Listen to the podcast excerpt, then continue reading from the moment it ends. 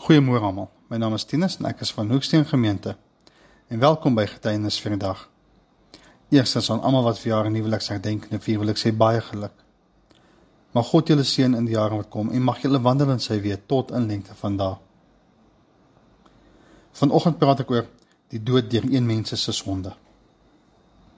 Ek lees vir ons Genesis 3 vers 1 tot 6.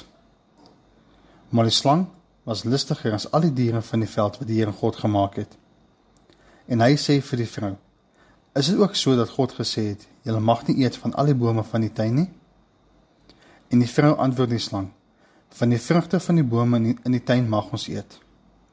Maar van die vrugte wat in die boom van die, in die middel van die tuin is, het God gesê: Julle mag nie daarvan eet nie. En dit nie aanroer nie, anders sal julle sterwe." Toe sê die slang vir die vrou: "Julle sal gewis nie sterwe nie."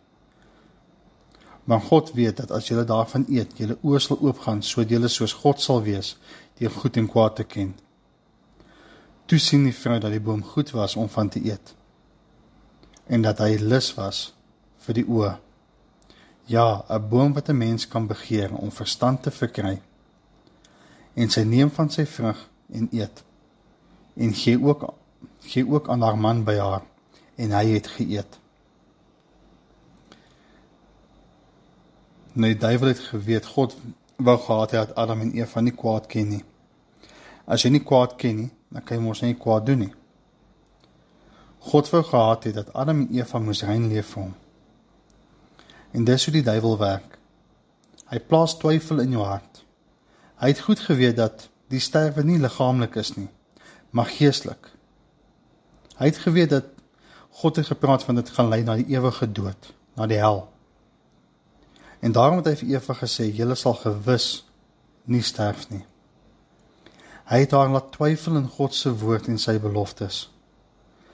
Nou die duiwel het God se woord gedraai om hom te pas. Toe Adam en Eva die vrug eet van goed en kwaad, het die sonde oor die wêreld gekom. Daarom leef ons vandag toe nog in sonde. Tot vandag toe probeer die duiwel twyfel in ons harte plaas oor God se woord en sy beloftes. Hy probeer ons onderkry deur sy leuns. Hy gebruik dinge wat in ons lewens verkeerd gaan om ons laat glo dat God nie besig is om te werk nie. Hy probeer ons oortuig dat ons aardse begeertes wat teenstrydig is met God se woord ons gaan laat goed voel. Maar in realiteit gaan daai goed ons nooit dit gaan nooit 'n permanente oplossing wees nie.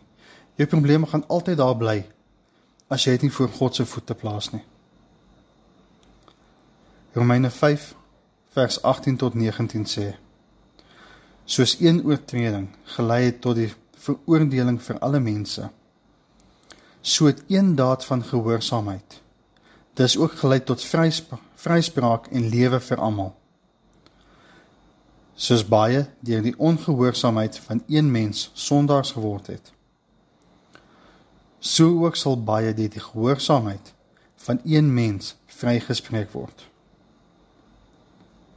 Deur een mens met aardse drange het ons sondes geërf en die dood.